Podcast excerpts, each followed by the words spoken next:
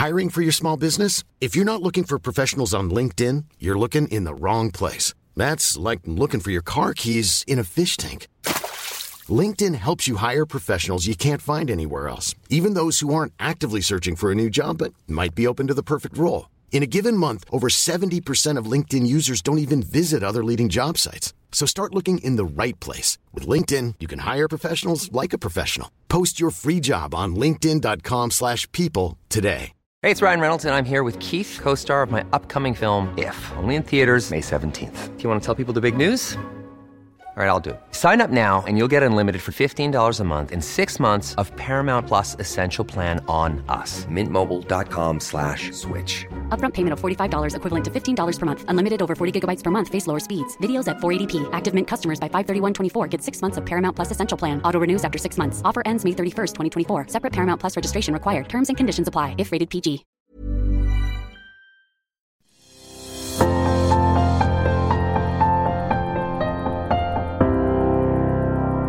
Hei og velkommen til podkasten Livet og ledelse. Dette er en podkast som skal handle om historiene som berører, om kraft, mot og vilje, både i livet og på jobben. Samtaler om å stå i det, om å dele med andre og om å definere egen lykke. Livet er jo både oppturer og nedturer. Og denne podkasten skal gi påfyll og inspirasjon og enda mer livsglede. Det er de gode samtalene som styrker oss. Det gir oss nye perspektiver og mer pågangsmot. Velkommen, kjære Fabian Stang. Takk skal du ha. Hyggelig å være hos deg. Du har jo opplevd uh, vonde ting i livet også nå nylig, så jeg er imponert over at du uh, er på beina igjen og klar for, uh, for nye oppgaver. Så derfor så vil jeg veldig gjerne komme og bli med på podkasten din. Tusen takk. Fabian. Du er jo eh, en veldig offentlig person, og så er du sønnen til eh, din mor, som jo er en historie i seg selv. Og så er du en samfunnsdebattant fortsatt. Og nå har du satt i gang igjen med en valgkamp til eh, høsten. Du gir deg liksom ikke, du. Nei, Det er rart med det når du liksom har vært med på, på denne moroa, så, så er det lett å blir litt avhengig. og Er man først et engasjert menneske, så, så er det ikke så lett liksom bare å legge til side når eh, folk ligger rundt på sykehjem og ikke får ordentlig stell, og når barna ikke får eh, god nok skole, så, så, så rykker det jo litt i, i, foten. Så jeg tror nok jeg kommer til å være politisk engasjert så lenge jeg lever. Du må si litt om uh, oppturene dine. De største oppturene i, ditt, uh, i, din karriere, da, når vi skal snakke om ledelse akkurat nå. Og som ordfører, det ble jo ganske mange år. Du var uh, en meget populær ordfører, og så var du Du er alltid så blid. Fortell om det. Ja, det å være ordfører er jo, det er jo spennende. Det er et stort ansvar, men det er også spennende. Og um, du vet, I Oslo så er det jo altså Nå er budsjettet på 60 milliarder. Jeg tror det var 40 når, eh, når jeg holdt på.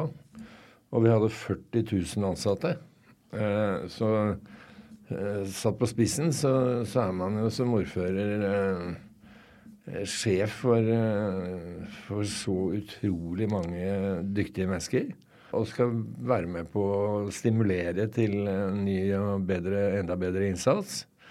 Og det, det syns jeg var, var, veldig artig. Det er byrådslederen som, som er liksom som statsministeren, men ordføreren har en oppgave med å mm, skape god, entusiastisk stemning, vil jeg si.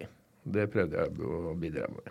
Hvis du skal snakke om ledelse isolert, hva er det viktigste en leder bør eh, mestre og gjøre for at menneskene rundt deg, da, og, eller en leder med å få laget til å fungere og få med seg flokken.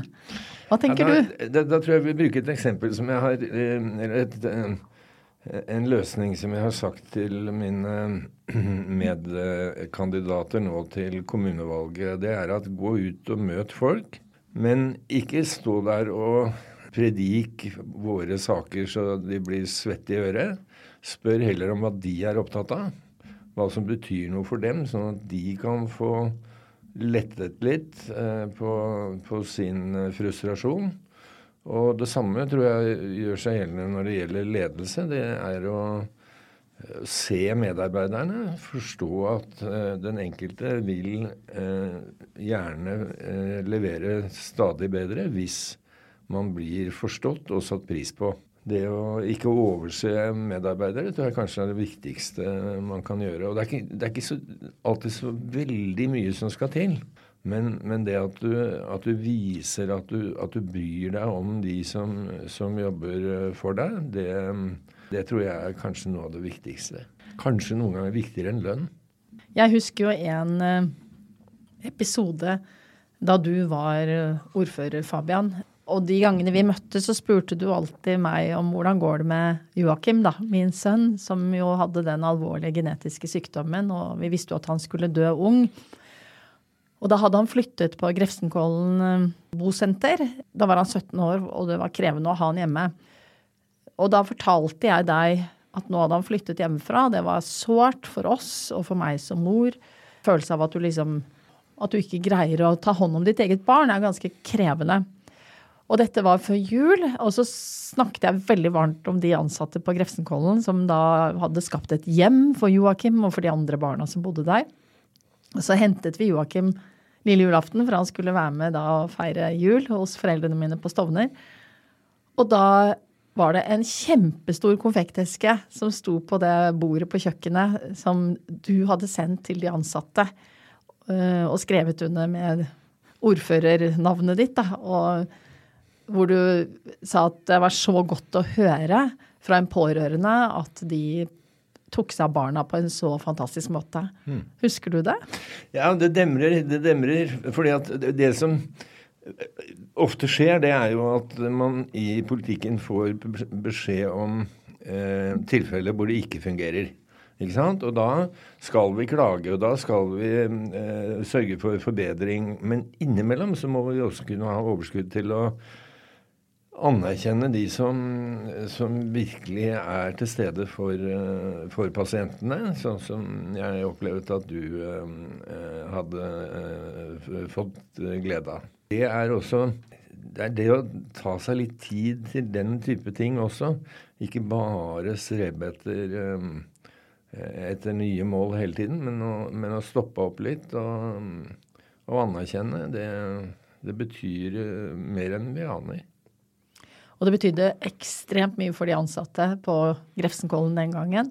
Som eh, Ja, de sto på døgnet rundt 24-7 for Joakim. Så jeg Ja, det har vært også krevende tider i helsevesenet med alt du må passe på når du har et barn som stadig blir dårligere. Men jeg har jo skrevet en bok eh, som du vet om. Det er jo 'Alt du ikke ser livet med Joakim', og der snakker jeg veldig mye om englene på gulvet. Jeg tror du også har sett mye av det, Fabian, i ditt liv alle de som ikke står i rampelyset og, og får, ja, får skinne, på en måte, men alle de som faktisk er engler på gulvet. Ja, det er, det er de vi um, er avhengig av. Det er, ikke, det er, ikke, bare toppene som betyr noe. Det er den daglige driften og den kjærligheten og omsorgen som, um, som uh, sykepleiere og annet helsepersonell uh, viser kommunevalget, hva er de viktigste sakene for deg? Det er jo et, det er mange saker, men hvis du skal plukke ut topp tre, da, som, som, du skal kjempe for nå fremover? ja, det, det, det er jo jeg, jeg, er glad i politikk som ikke berører en selv. Som jeg sier, et brennende engasjement for saker der det ikke angår en selv. Det er eh, så jeg har en sånn drøm om at uh, unge mennesker skal uh, kjempe for um, eldrepolitikken, og eldre skal kjempe for skolepolitikken. Uh, og det er vel eldreomsorg og skole som, som blir de, de, viktigste sakene. Det er, det er, mye som kan forbedres når det gjelder eldreomsorgen, og så er det mye ideologisk når det gjelder skole hva er Kåre Willoch sa? Vi vårt parti, vi går alltid inn for. Eh, men det vi i Høyre ønsker, det er en skole hvor det stilles krav. Eh, hvor man blir eh, bedre fordi noen pålegger en å yte en innsats. Men også med plass til de som, som ikke er best på skolen. Men jeg tror jo at vi andre som ikke er gode på skolen, har veldig mye glede av de som er det. Eh, jeg vil nødig ha en lege som har fått tre i alle fag. Eh, jeg vil ha en lege som er drivende god. Eh, det er til, til gunst for meg. Selv om jeg ikke er så god, så, så vil jeg ha en skole som, som gjør at du må stille opp, at, at, det stilles noen krav. Og jeg synes det å oppheve denne bestemmelsen om fraværsgrense, det, da tenker jeg liksom Kan du ikke bare spørre elevene om de kan komme innom en gang imellom og få litt skolemat og litt kos, og så er det det vi krever av det. det tror jeg, da tror jeg vi gjør alle en stor bjørnetjeneste. Hvordan var din skolegang, Fabian? Nei, det var dårlig. Det var Jeg er dyslektiker. Eh, så jeg leser liksom Når jeg leser en bok, så, så holder det som regel med halvannen side av gangen. For da blir jeg så trøtt. Eh, for jeg må stable disse bokstavene. Og det visste man jo ikke den gangen. Så, så jeg gjorde det veldig dårlig på skolen. Og da skulle jeg ønske at man hadde hadde hatt litt bedre kompetanse på f.eks. dysleksi, da, sånn at jeg kunne fått hjelp. Men jeg ble reddet av uh, at jeg ble eh, sånn klassekontakt i elevrådet, og senere leder av elevrådet på de fleste skoler jeg gikk, hadde jeg nær sagt. Og det ble, det ble, mitt skoleliv. Så jeg fikk, uh, fikk heldigvis noe ut av det. Jeg var ikke noe glad i skole, skolearbeid. Hadde du ikke lærere som støttet deg den gangen? Nei. Det var eh, Det het vel ordblind. Men eh, jeg kan, jeg, jeg kan, ikke huske på noe stadium i min skolegang hvor, hvor, det ble undersøkt eller lagt til rette for eller eh, Så det, det, var noe jeg i og for seg fant ut først i voksen alder. at jeg men jeg har litt, jeg har litt glede av det, da, for jeg leser jo ting helt annerledes enn andre. Eh, sånn at uh, når jeg ser overskrifter i avisen, så det er de pussigste ting den avisen har tatt opp. Noen ganger er det så morsomt. så, så, jeg sitter og humrer noen ganger, og så lurer Katarina hjemme på hva, hva, som var morsomt ved det. Men det er i og for seg bare meg som ser det. For da leser du setningen og ordene helt annerledes? Ja, helt uh, Altså, vi har et advokatfirma som heter H-Vin. H-A-A-Vin. Uh, og det står mye av avisene om havvind. Og det er H-Vin for meg, altså. Og hva H-Vin har av problemer og, og motstanden mot HV-en osv. Det, det Ja, så, så, det er Det blir noen pussige greier. Apropos advokatnavn. Vi ville jo gjerne ha navnet vårt i firmaet i gamle dager. Um, nå heter det jo bare Thommessen og Skjøtt og forskjellig sånt nå, men uh, vi hadde et firma som het uh, Håvin Dahl Bjelke Arnesen Ven og Torkelsen. Og da var drømmen å få sentralbordet til å svare. Det er også å si å unnskyld, det har kommet feil. Jeg skulle til Smith, Grete, Eide, Middelfart, Vik og Lyng. for da skulle alle ha med navnet sitt i, i firmanavnet, eller i firmaet. Det er i hvert fall ikke noe feil med hukommelsen din, for du husker ekstremt mye. Jeg har hørt så mange gode historier fra deg opp gjennom årene. Eh, vi kan komme litt tilbake til det senere. Men hva, hva tenker du i dag?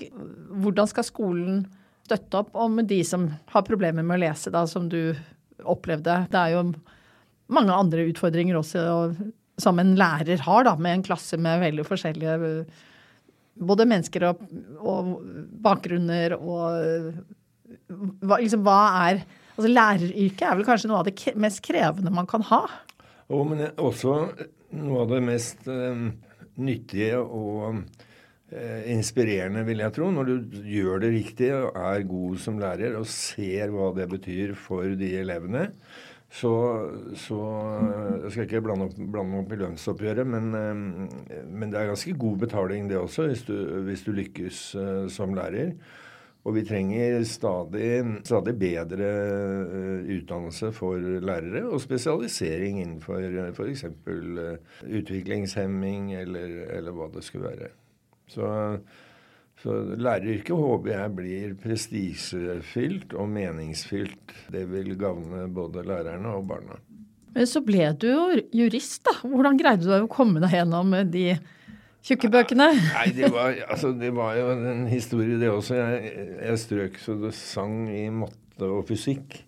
Hvorfor jeg gikk på matte, hvorfor jeg gikk på, eh, på reallinjen, det aner ikke jeg, men eh, jeg, jeg strøk med glans. Jeg tror til og med jeg fikk null, jeg, ikke én engang. Eh, så jeg måtte ta opp noe fag, da, men så dro jeg til Amerika og jobbet der en stund. Og så kom jeg tilbake igjen, og da hadde jo de andre gutta, vennene mine, begynt på jussen. Så jeg hadde lyst til å begynne. Og ikke gå et år og ta opp engelsk eller et eller annet sånt noe. Og så var jeg sleip og frekk, så jeg dro opp på Blindern. Og så så jeg på hvilket hus som var høyest. Og der tenkte jeg på toppen av det sitter sjefen. Så jeg tok heisen opp eh, Det var jo den gangen man kunne komme inn hvor som helst. ikke sant? Og opp i lobbyen der, og så, sa jeg det at, eh, og så så jeg det sto noe sånt skilt 'Direktøren' et eller annet. Så sa jeg at jeg må snakke med direktøren, sa jeg. Eh, og det fikk jeg. Og så la jeg frem eh, problemstillingen og sa at jeg hadde, hadde lyst til å begynne på jussen og komme i gang. Og at jeg hadde gjort mye rart. da. Jeg hadde jo jobbet i Amerika, jeg hadde tatt noen kurs der borte. og Om vi kunne legge sammen det så det ble noen poeng av det. Og han var en fantastisk uh, imøtekommende mann. Så vi, vi la sammen holdt jeg på å si, tre netter på husmorskolen og for, forskjellige ting jeg hadde gjort. Eh, og så eh, kunne jeg begynne på jussen. Men det var jo, dysleksien var jo der fortsatt, så det var, det var liksom å komme om morgenen, sørge for å få en, eh, en lesesalsplass, og så gå ned og ta en kaffe. Og så opp igjen og lese to sider, og så ny kaffe. Så det, det, jeg vil ikke si at jeg kom lett til det i studietiden, men um, men jeg ble da ferdig, og var heldig og fikk eh, jobb som advokatfullmektig allerede eh, rett etter eksamen. Og mm, så gikk det ganske, ganske bra. Så jeg fikk såkalt tidlig fikk jeg møterett for Høyesterett. Det er liksom viktig for jurister å, å få. Det fikk jeg. Så jeg pleier å si det at jeg er den eneste advokaten i Norge med møterett for Høyesterett som ikke har artium. Så vi har et ganske lite julebord når vi i vår forening skal, skal feire. Du jobber fortsatt eh, litt som advokat, eh, Fabian? Eller tar politikken deg igjen Neida, i denne jeg, runden? Jeg jobber som advokat. Og, men det som er utfordringen, det er jo når man har fått lov til å være ordfører og fått lov til å leve litt uh, i sammenhenger hvor man ser Eh, folk som sliter, så er det jo Det er liksom ikke så lett å, og bare avvise de som har det vanskelig. Så mm, jeg sitter igjen med ganske mange uh, sosiale uh, kasuser som, uh, som jeg ikke får betalt for, for å si det sånn. Men det er, det er jo hyggelig å kunne, kunne, bidra og hjelpe folk også. Da. Så det er jo det er en ålreit betaling, det. Så det gjør du altså? Du bruker mye av tiden din på å hjelpe de som eh, er svake? Ja, fordi vi har, vi har utviklet et litt pussig samfunn. Vi, har, eh, eh, vi sitter nå like ved Stortinget, og på det huset der borte så har de vedtatt så mange lover og rettigheter at de som trenger disse rettighetene, de finner ikke frem. Hver gang du lager en rettighet for noen, så må du jo lage noen begrensninger. Og de begrensningene de skal da forvaltes av forvaltningen. Og eh, innimellom så, så tenker jeg at det hadde nesten vært bedre om de ikke hadde hatt disse rettighetene. For da hadde man ikke tenkt på at man kunne fått hjelp. Men, men meningen er jo at man skal få hjelp, samtidig som det er blitt så komplisert at du må være ja, du må nesten være advokat for å, for å søke riktig. Hvem er det som uh, finner frem til deg? Hvilke type mennesker er det som uh, greier å ta kontakt, og som du møter, da? Nei, Det er alt mulig. Ja, nei, hvordan de finner frem, det har jeg ikke tenkt på. Men uh, Ja, det er i hvert fall, Men det er jo et kompliment at, uh, at man uh, søker, søker, råd, da. Så det er på en måte sånn litt verdibasert arbeid for deg det nå i ditt liv? Ja. Det, ja. også når man liksom Advokater er jo også håndverkere på en måte. Så når du først vet hvordan dette skal gjøres, så er det jo det er ikke så lett å si at det gidder jeg ikke å hjelpe deg med. Det er jo fristende å prøve, da. Jeg kjenner meg veldig igjen i det å ja, bli prosjektleder for et barn da, som har en alvorlig sykdom hvor diagnosen er gitt, og alle vet at det går den gale veien. Og så er det veldig krevende å finne frem i ja, systemet, eller hva man skal si. Altså, det er jo et system, og det er, det er komplisert, akkurat som du sier. Du skal være frisk og rask for å finne frem i de reglene som er ment å hjelpe deg når du er syk og svak. Vi må snakke litt om uh, mammaen din. Ja. ja. Jeg var jo så heldig og fikk møte henne mange ganger. Intervjuet henne, og hun var jo Hun var jo festens midtpunkt, for å si det sånn. Hun er jo et ikon, en legende.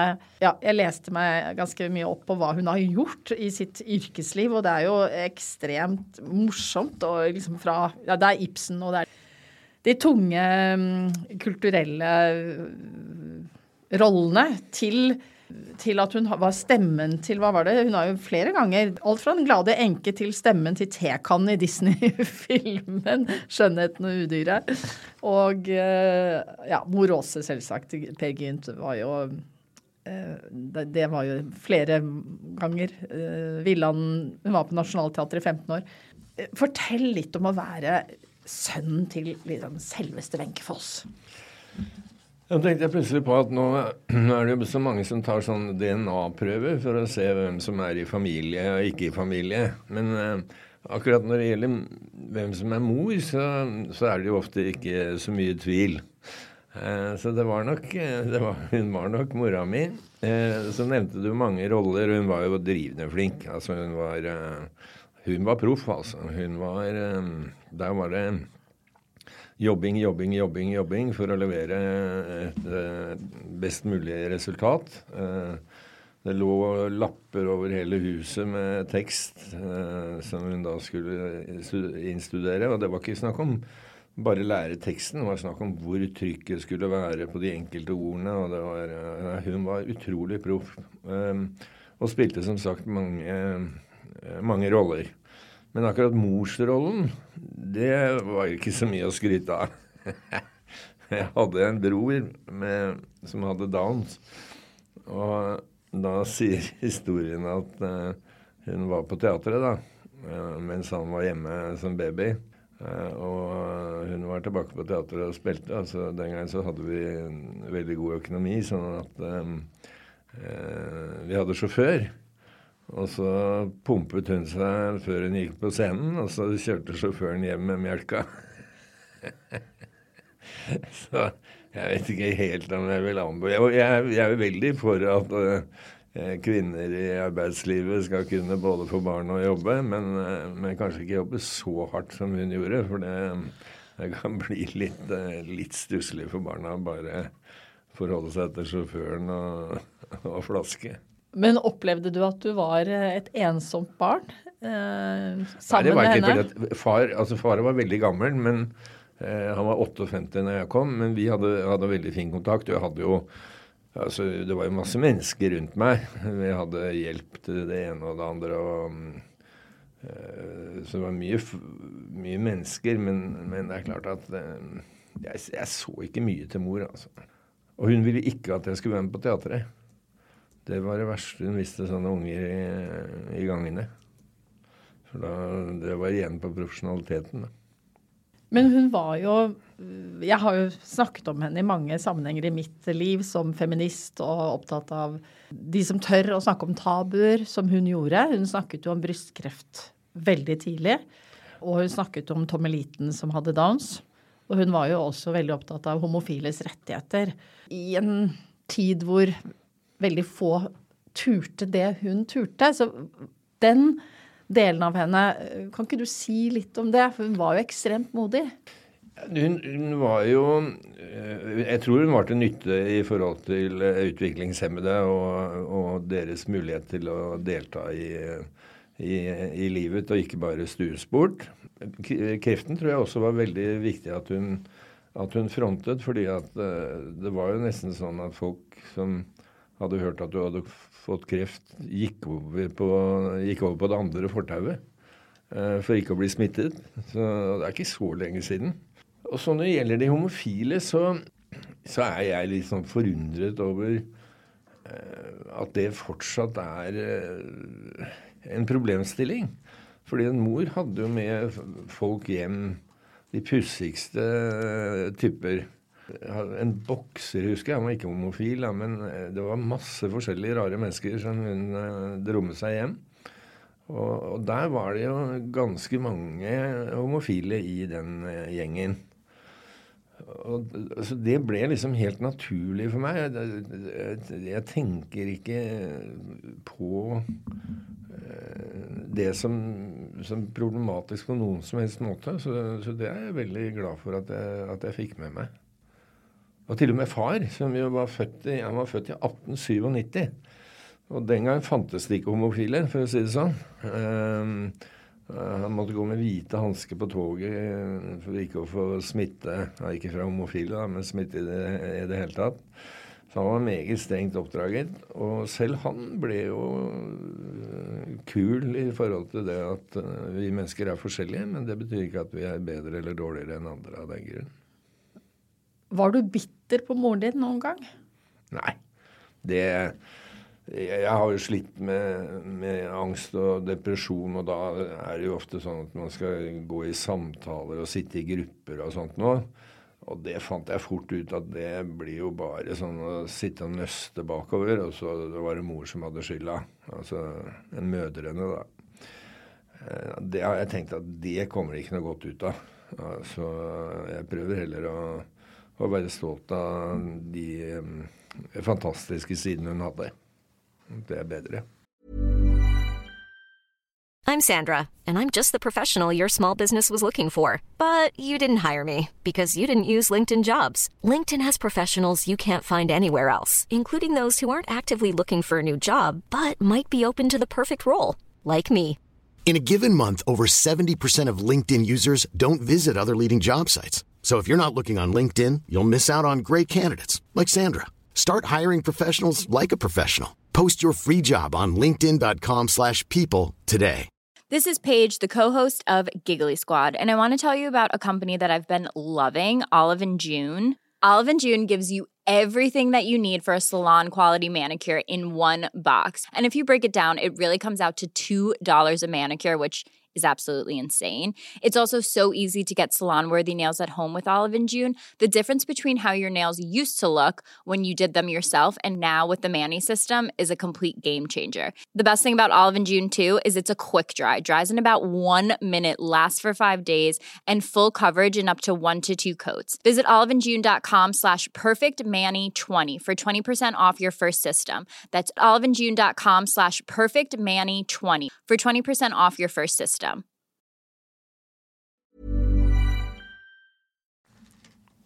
Forholdet til uh, broren din da med Downs, uh, kan du si litt om det? Hvordan du tenker han om det i dag? Han døde tidlig. Ja. Så han var et år eldre enn meg. Og så dør han som femåring, vel. Så vi hadde dessverre ikke mye tid sammen. Men det, vi, det jeg ble fortalt, det var at han skjønte at uh, eh, jeg var yngre. Og jeg skjønte at han hadde litt spesielle behov. Så vi kalte hverandre for BB, eller Baby, begge to.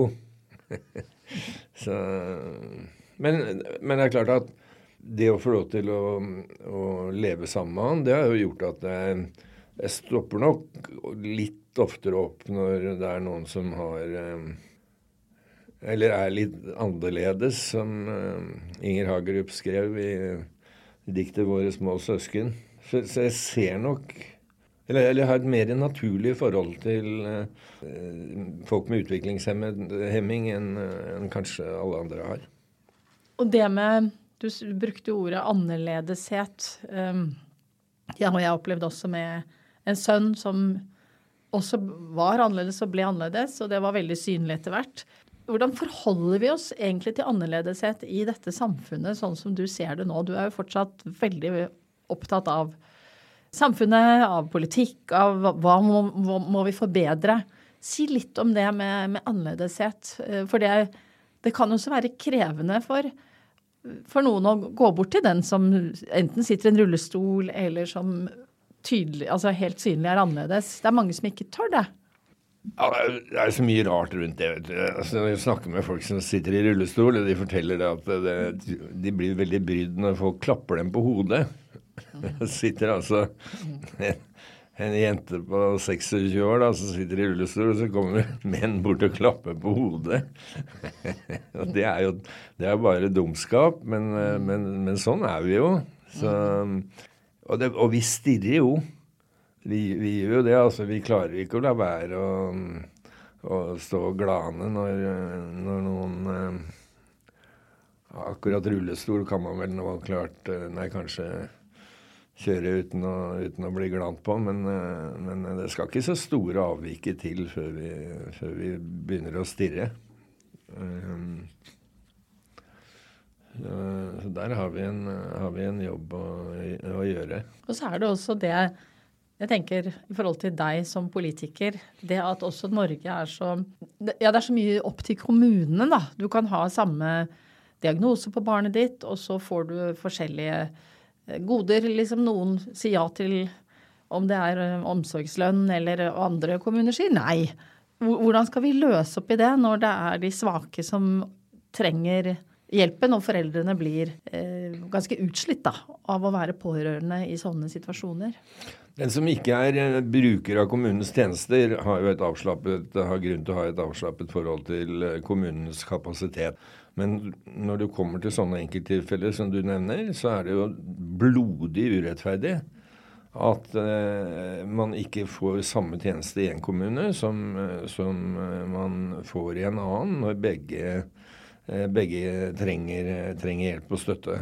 Eh, og det ja, altså Kommunesammenslåing det er jo det er jo så vanskelig å snakke om, fordi at uh, vi er jo så gammeldagse i forhold til at det skal hete ditt og datt, og du blir ikke enige om navn, og det er bare surr. Men det er, det er, ingen tvil om at med det tilbudet som nå skal gis fra kommunenes side, så må vi få til en kommunesammenslåing. Altså når du har når du har en kommune som har et barnevern, barnevern som består av en halv stilling Altså hva slags faglig miljø er man i da? Hvilken mulighet har man for korreksjon? Eh, hvilken kapasitet har man? Eh, så, så, så der, der, må det skje et eller annet for å, for å men jeg er ikke tilhenger av statlig overtakelse, for det tror jeg blir bare mer byråkrati på mange områder. Men, men at, det, at, det, må gjøres noe med størrelsen og kompetansen på kommunene, det er jeg ikke i tvil om. Jeg tenker for å avslutte episoden om din uh, mor, da, som uh, ja, jeg har vært så heldig å få dele ut Wenche Foss sin ærespris sammen med deg mange år på rad. Ja. Vi har sittet i juryen og delt ut til store kunstneriske talenter. Ja, det har jo vært alt fra Else Kåss Furuseth til Ingrid Bjørnov, Thomas Giertsen, Ane Dahl Torp, eh, Sven Nordin, samt de humanitære eh, organisasjonene, for det var jo en del av hennes pris, eh, som var like sterkt og fint å dele ut. Det var Sykehusklovnene, det var Foreningen for brannskadde, ja, organ donasjon altså av de som jobbet med, med det. Eh, og det var også Foreningen for eh, hjerteopererte barn. Hvis du skal liksom ta frem eh, noe av det fineste med din mor, da, sånn avslutningsvis, hva vil du si da? Da vil jeg si at hun, hun, hun hadde også selvironi. Uh, I tillegg til alt det andre hun gjorde. Så hun fortalte stadig en historie om hun var på et sykehjem eller aldersgreier eller noe sånt nå. Og der var det 98 stykker. Og hun var jo helt rå til å få kontakt og, og spilte og holdt på, ikke sant. Så, så skjønner hun etter hvert at nå har hun kontroll på 97 av de 98. Men én sitter borti et hjørne som hun ikke har linje. Så hun går bort til henne og så sier 'god dag, god dag'. Mm, sier dama. Ja, god dag, god dag. Det er Wenche Foss, sier mor. Mm, mm, sier, mm, mm, sier hun. Det er Wenche Foss. Ja, og hva så? så den fortalte mor ofte, så hun hadde i hvert fall evnen til å gjøre litt narr av seg selv. Du har jo fortalt meg mange historier, men ta en til. Politikere er jo svært opptatt av å få flest mulig stemmer. Det er liksom vår måte å bevise på at vi, at vi er dugende. Så for skuespillere som mor så er det viktig at det er bra med folk i salen og rød lykt utenfor. Eh, og så skulle mor opereres en gang. Eh, og så hadde hun eh, Hun hadde fått den der likeglassbrøyten, men hun hadde ikke fått beskjed om at det skulle være studenter til stede. Så ble hun trillet inn på en operasjonssal da, hvor, hvor, det satt syv-åtte studenter eh, i ring. Og så ser hun på den gjengen, så sier hun Og så ikke full sal engang, da.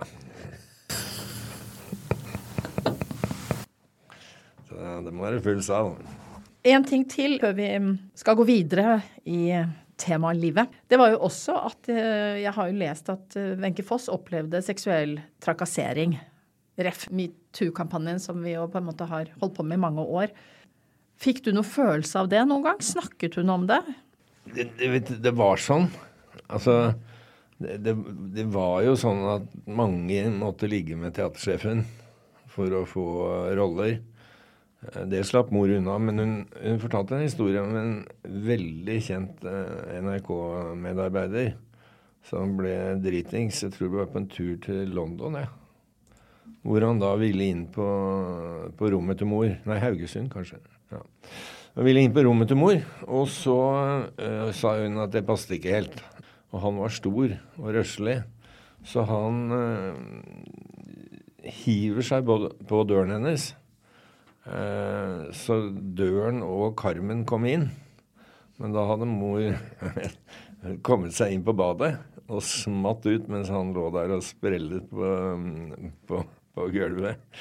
Så ja, nei, det, det, var ganske Det var tøft i gamle dager, altså. Det var eh, Og det var ikke mye hjelp å få hvis du gikk noe sted og fortalte det. Da tror jeg bare alle ville si at ja, det må du regne med, det er jo sjefen din, og det er sånn og sånn. Da er vi, vi er heldige nå med at vi, vi, vi skjønner at det ikke, ikke, går an, at det ikke er akseptert lenger, i hvert fall. Det skjer sikkert mye ennå. Ja, det er, er, jo noen landsmøter fortsatt i politikken hvor det går litt galt. Ja, men nå, nå går det ikke, går ikke på jentene, småjentene, nå går det jo på journalistene. nå. Ja, det er fortsatt noe som skal ryddes opp, i hvert fall. men uh, fokuset er jo der, så det, det, er ingen som kommer seg liksom Kan snike seg unna. Men som du sier, det var nok helt annerledes da moren ja. din var ung, da. Og, ja. Men hun var jo heldig fordi at hun hun ble tidlig ganske god, sånn at hun, hun, måtte ikke finne seg i hva som helst. Så, så det gjorde det nok lettere. Men jeg kan godt tenke meg at de som som ikke fikk noen roller ikke sant, og ikke, ikke var så gode, tilbød seg litt uh, ufrivillig. Vi går litt mer over til livet. Det livet du har nå, er jo veldig annerledes for deg og din uh, kjære. Uh, dere har en datter som er 15 år. Amanda Sofie. Ja. Fortell litt om den prosessen dere var gjennom sammen når dere adopterte henne. Nei, det, det, jeg kan fortelle, er jo at nå er jeg 68, tror jeg. Er da kommet til puberteten igjen. Eh, og det hadde jeg ikke regna med. Så eh, nå kan jeg altså en, en, god del om sminke. Eh, og mange begynte på matematikk igjen på, på høyt plan, hadde jeg nær sagt. Nei, vi var, vi var, i en situasjon hvor vi hadde vært sammen en stund, gift en stund. Og så diskuterte vi jo dette med barn.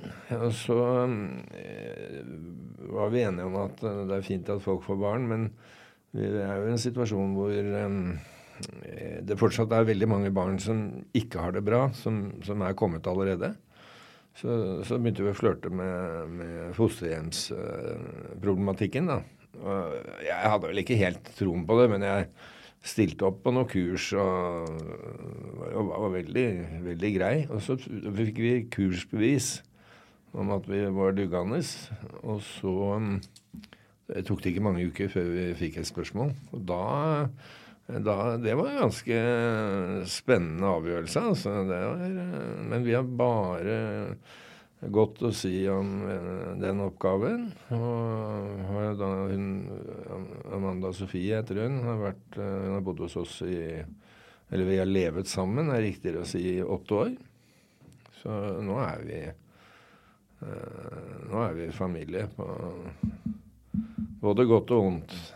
Nå er både Katarina og jeg teite så det holder uh, stadig vekk. Det er et veldig bra sunnhetstegn. Jeg kjenner meg litt igjen. Da har en datter på elleve år.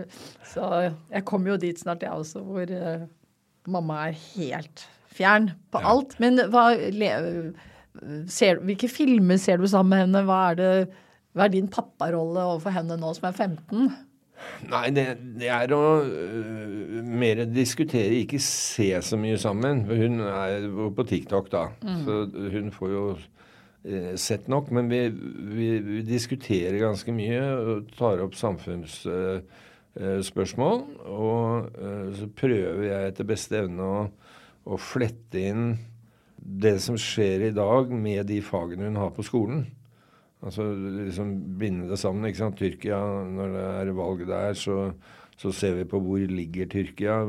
De har tross alt grense til Syria. Eh, Istanbul, hva het det før? Det het Konstantinopel. Altså se, se, litt sånn sammenhenger, sånn at det kanskje blir litt mer spennende på skolen. da. Det er vel, det, det er vel egentlig mitt bidrag. Det viktigste bidraget. Og så hender det jeg spør om hun kan vaske tøy og rydde rommet og sånn, og da eh, avslår hun det. og da blir de, er det ikke noe sint pappa? Nei, det har jeg gitt opp. Du må bare fortelle litt om den eh, ja, historiske begivenheten da du badet naken i Stein Erik Hagens bursdag. Ja, ja. Ja, det det tror jeg, tror mange at var planlagt og var et stunt, men det var det faktisk ikke. Det som skjedde, var at eh, han hadde bursdag, og så tror jeg det hadde gått noen rykter i pressen om at eh, Springsteen eller jeg vet ikke hva det var, jeg skulle komme og spille ute på skjæret der. Uh, derfor så var det utrolig mye presse da vi kom. Og så var det så mye båter at jeg måtte ligge i en bøye og så bli kjørt inn. da. Uh, etter at jeg hadde fått til han mor, til og med. Eh, som var med på festen. Og så var det sånn mingling og stående buffé. Skulle vi gå og forsyne oss, og da så jeg båten eh, med flagget oppe. Og da var klokka fem på ni. Og flagget skal jo ned klokka ni. Ned ved solnedgangen, dog senest klokka 21. Så tenkte jeg nå bare smetter jeg ned, eh, og så svømmer jeg ut, tar ned flagget, og ingen merker det, og jeg kommer tilbake i køen på, på matserveringen. Og det gikk kjempefint eh, helt ut. Og så var det én av pressebåtene som da kom rundt hjørnet igjen. Eh, og når én fotograf ser noe spennende, så værer de andre det. Og så, så klarer de å knipse meg idet jeg går opp. Og bildet er jo ulovlig, for det er tatt inn mot privatgrunnen uten samtykke. Eh, men jeg bråkte ikke med det, for jeg syns, det var et ganske ålreit bilde. Jeg syns det kom, kom, greit fra det. Men det som ikke var greit, var jo at det ble forsiden på VG. Som nok hadde satt av plass til Bruce Springsteen, eller, eller hva det var for noe. Så noen måtte de fylle med. Og det å bare ta bilde av en masse gjester i blazer, det gadd ikke. Så, så da ble det rumpa mi. Men det jeg, jeg, jeg, tror i grunnen det har blitt oppfattet som eh, rimelig greit. Da går vi over til resten av eh, Ikke bare resten av livet ditt, det er mange ting i ditt liv som er eh, fascinerende. Men nedturene, da. Vi har snakka litt om oppturer, og vi har vært innom mye. Men Men nedturene, det er jo det du nevnte litt i sted. Det var er jo angst og, og, depresjon. Du fikk jo da Åpenhetsprisen i 2011 fordi du snakket om eh, ja, psykiske utfordringer. Eh, fortell om den flyturen som jeg har vedtatt den første gangen så kom denne, dette anfallet, panikkangstanfallet, på på et fly. Ja, det kommer som lyn, fra klar himmel, og du um, aner ikke hva det skyldes, eller uh, hva det er. Ikke minst det siste er ganske krevende. Så jeg gikk inn på en maskin på Heathrow, og så skulle vi ta av. og Da satt jeg mellom to karer, og var ganske fullt på flyet. Og så kjente jeg bare at jeg må ut. Jeg klarer ikke dette. Jeg må ut. Og det er det er krevende under takeoff eh, å komme ut. Eh, men jeg var på vei til å løpe frem og si vi må stoppe. Vi var fortsatt på taxibanen. Og da undersøker man jo altså, Så den flyturen var ganske tøff. Det var, var langt og to og en halv time før jeg kom ut. Men eh, da sjekker man jo liksom alt ikke sant, av hjerter og nyrer og gud veit hva det er for noe som, som, kan forklare dette. Det tar ganske lang tid før man skjønner at dette er en, eh, et angst, eh, angstanfall. Um, med etter hvert tilhørende depresjon. Så, um, så det, var en, det, var en, lang, vond eh, periode før jeg, før jeg fikk hjelp. Hvor lenge pågikk den uh, tøffe situasjonen, da? Og så greide du å ja, leve med det på et eller annet vis? Der snakker vi vel om, uh, om år uh, hvor jeg var dårlig. Men jeg, jeg, var så heldig at jeg hadde jobb som advokat. Fordi at hvis jeg hadde vært ansatt et sted som lærer eller noe sånt, så, så ville jeg vært 100% sykemeldt ganske lenge. Men, eh, men, som advokat Jeg tror faktisk ikke jeg hadde noen forsikring heller. Jeg. Så, så jeg kom meg etter hvert ned på kontoret og hadde det så fælt at jeg liksom satt og holdt med begge hendene i bordplaten. Eh, men klarte etter hvert å, å, å, jobbe. Altså, du er jo ikke gæren uh, fordi om du har, uh, har, angst eller depresjon. Sånn at kvaliteten på, på arbeidet tror jeg var, var, helt ok når jeg bare klarte å, å, gjennomføre. Så det å kunne komme tilbake på jobb, det var veldig viktig for meg. Og jeg hadde jo da full fleksibilitet. Apropos regler og, og velmente ting og sånn, så så, så, så, jeg kunne jo regulere hvor mye jeg klarte. ikke sant? Klarer jeg en halvtime eller klarer jeg en time? Igjen tilbake til læreren. Du kan ikke, du kan ikke komme innom skolen en gang imellom uh, og få, få, hjelp ved å være til nytte. Uh, så det å være til nytte ble, ble viktig for min del. Hvordan er det i dag? Ah, jeg, jeg kommer til å dø med med mine depressive perioder og angsten. Så det, det må jeg være, være, forberedt på. Men så prøver jeg å, å, glede meg over det jeg kan glede meg over. Ja, hva gjør du når det ser Når dagen er mørk, da? Hva gjør du? Ja, da jeg var skikkelig dårlig, så hadde jeg en lapp i lomma hvor det sto at uh, Fabian, husk at du har to skjønne gutter. Men da var jeg så dårlig at jeg eh, måtte se på den ofte for å, for å tro på det.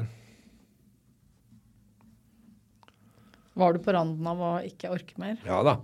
Jeg pleier å si det at den som har hatt en alvorlig depresjon, og som eh, benekter at man har vurdert å ta livet av seg, det er en person som lyver. Veldig satt på spissen. Da, så er det en eller annen som har skrevet at Tanken på å kunne ta mitt eget liv har gitt meg megen sjelefred. Og det betyr ikke at man kommer til å ta livet av seg, men det betyr at man ser på en måte en løsning. Vi mennesker vil jo alltid lete etter en løsning når vi møter utfordringer. Med en tung depresjon så er det noe du ikke ser, så er det løsninger. Støtter du andre i dag som uh er der du var? Ja. På det, veldig, på det verste? Jeg har veldig mye kontakt med folk som har eh, opplevd det samme, som, uh, som syns det er fint å, å snakke om uh, felles uh, erfaringer. Men jeg, jeg er veldig nøye på at jeg ikke, ikke er lege, Jeg er ikke psykolog. Så jeg er bare et medmenneske med erfaring. Du, kontrasten i, i, ditt liv er jo ganske stor, ikke sant? På mange måter. Og du ble jo Du forteller om, om dette nå, og du har jo gjort det i, i flere sammenhenger. Og, og, at du gjorde det også åpent.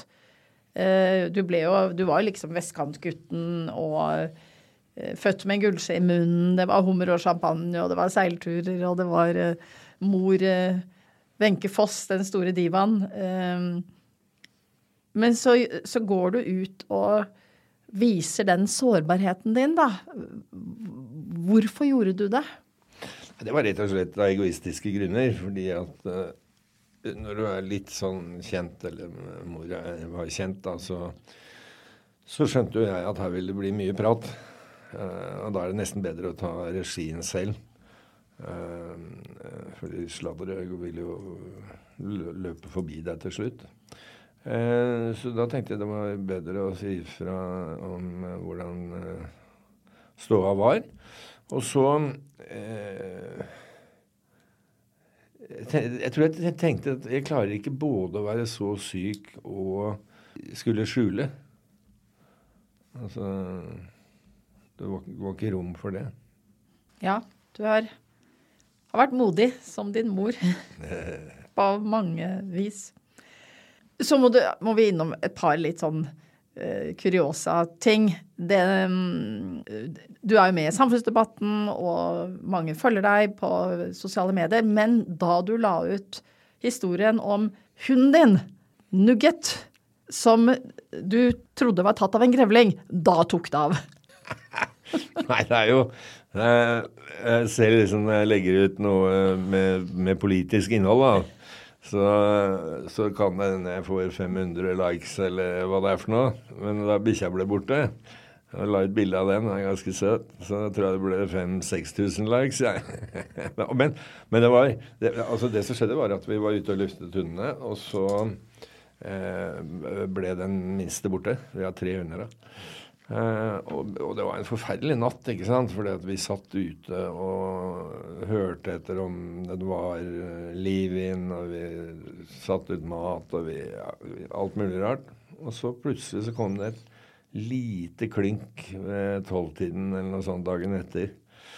Og da hadde den klart å komme seg under Eh, et gjerde der hvor grevlingen hadde gravd hull. Så det var grevlingen som hadde gravd hull, men det var ikke grevlingen som hadde spist den opp. Og der, den var like blid og fornøyd. Den hadde vært ute hele natten. Og, ja. Der, og da var folk veldig søte, som sagt. da.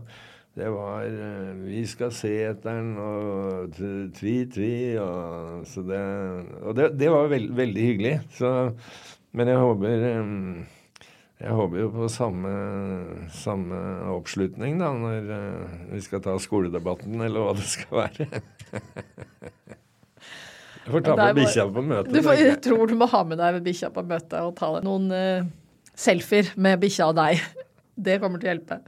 Og så en uh, liten ting til før vi skal avslutte. Um, det har jo vært mye diskusjoner om prinsesse Märtha Louise og Durek. Og der også fikk, lagde du en post hvor du snakket om at ja, men dette er jo som Snåsamannen. Han liker vi jo alle. Hvorfor kan man ikke akseptere Durek og medaljongene og det han gjør? Det må du også bare si litt om. Ja, det, altså, han Durek han er jo litt av en type. Uh, og jeg ikke bare misliker, men jeg tar vel også avstand fra eh, mye av det surret, og særlig det der med kommersialisering. Altså selge medaljer for, eh, for helsebringende aktivitet. Det, det, liker jeg ikke. Men jeg, jeg syns det ble litt voldsomt. Og jeg ble litt bekymret for er det det at han er sort, som, som er den utløsende faktor her, eller er det det rare han gjør? Og da vil jo alle svare selvfølgelig at det er bare det, det rare han gjør. Hadde vært akkurat det samme om han var hvit. Men, men jeg er ikke helt trygg på det. Så det var det jeg, det var det jeg eh, mente noe om.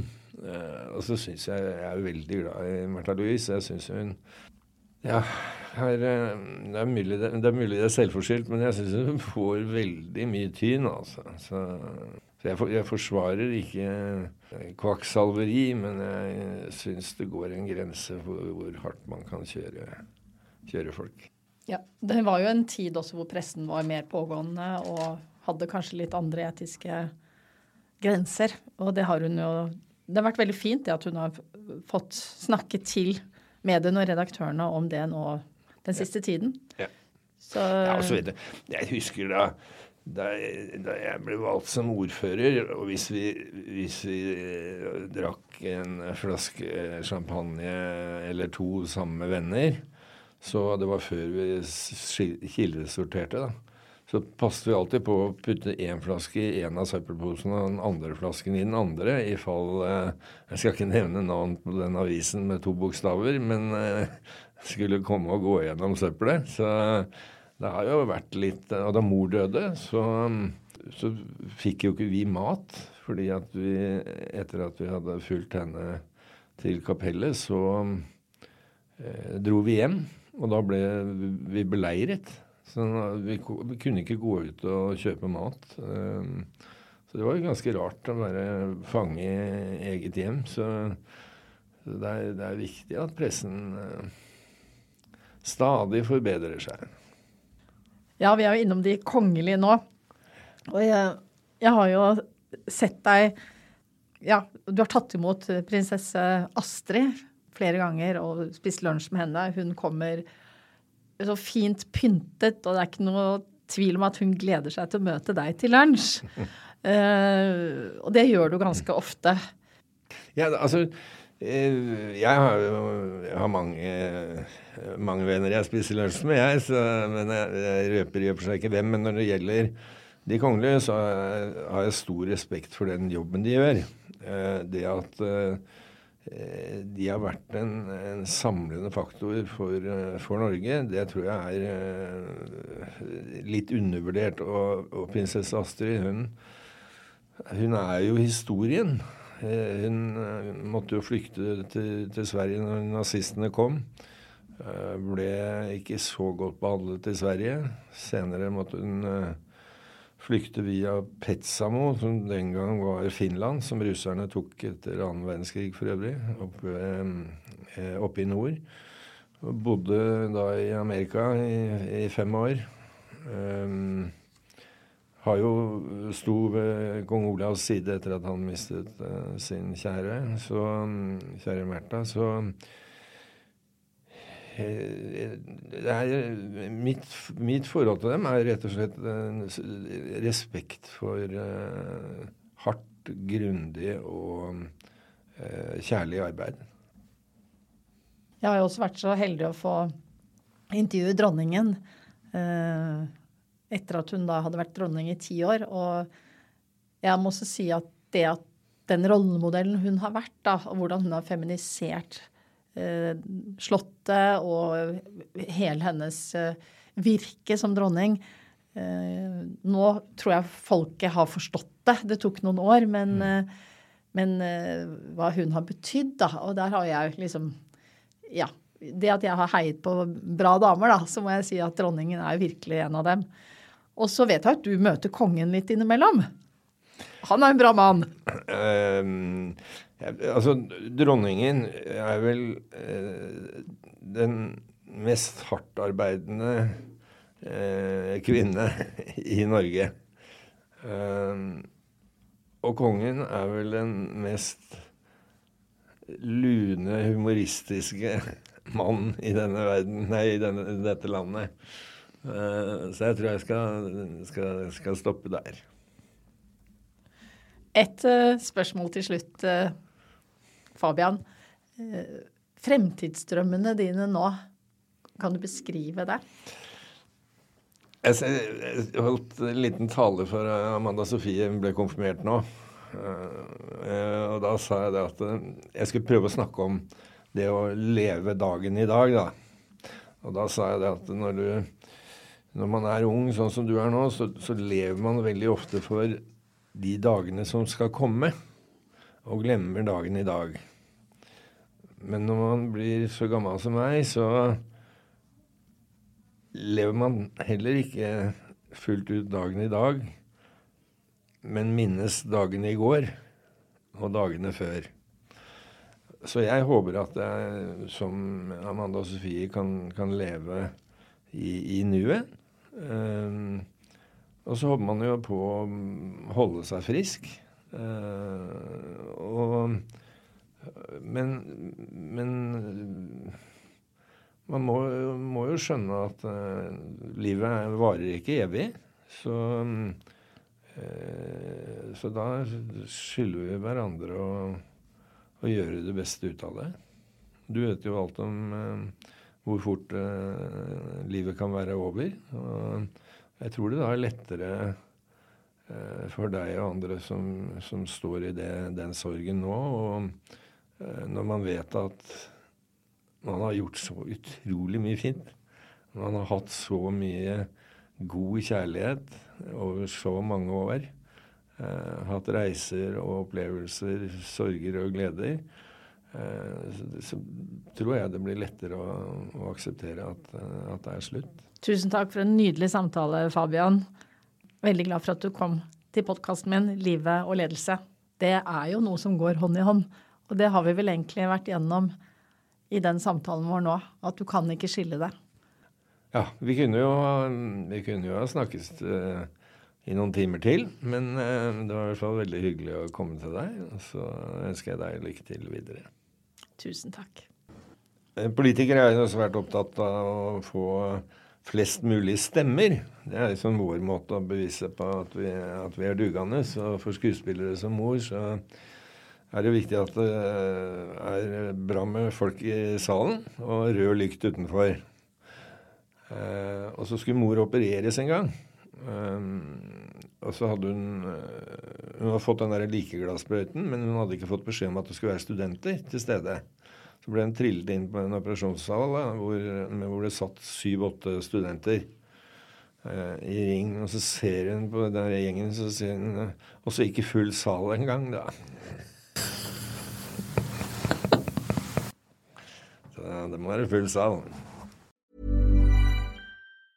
Ever a row?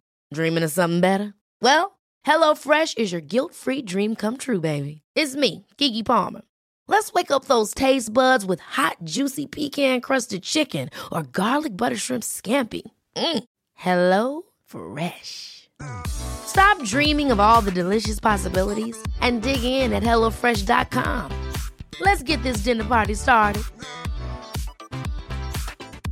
Even when we're on a budget, we still deserve nice things. Quince is a place to scoop up stunning high-end goods for 50 to 80% less than similar brands. They have buttery soft cashmere sweaters starting at $50, luxurious Italian leather bags, and so much more. Plus, Quince only works with factories that use safe, ethical, and responsible manufacturing. Get the high-end goods you'll love without the high price tag with Quince. Go to quince.com/style for free shipping and 365-day returns. Takk for at du lytter på Liv og ledelse. Jeg setter pris på om du vil gi den stjernerating eller kommentarer i Apple Podkast. Har du innspill til gjester du ønsker jeg skal invitere, så hører jeg gjerne fra deg. Sjekk ut Instagram-kontoen Liv og ledelse, og følg oss gjerne der. Du kan trykke følg eller abonnere på denne podkasten i den podkastspilleren du bruker. Vi høres! En podkast fra Storypeople.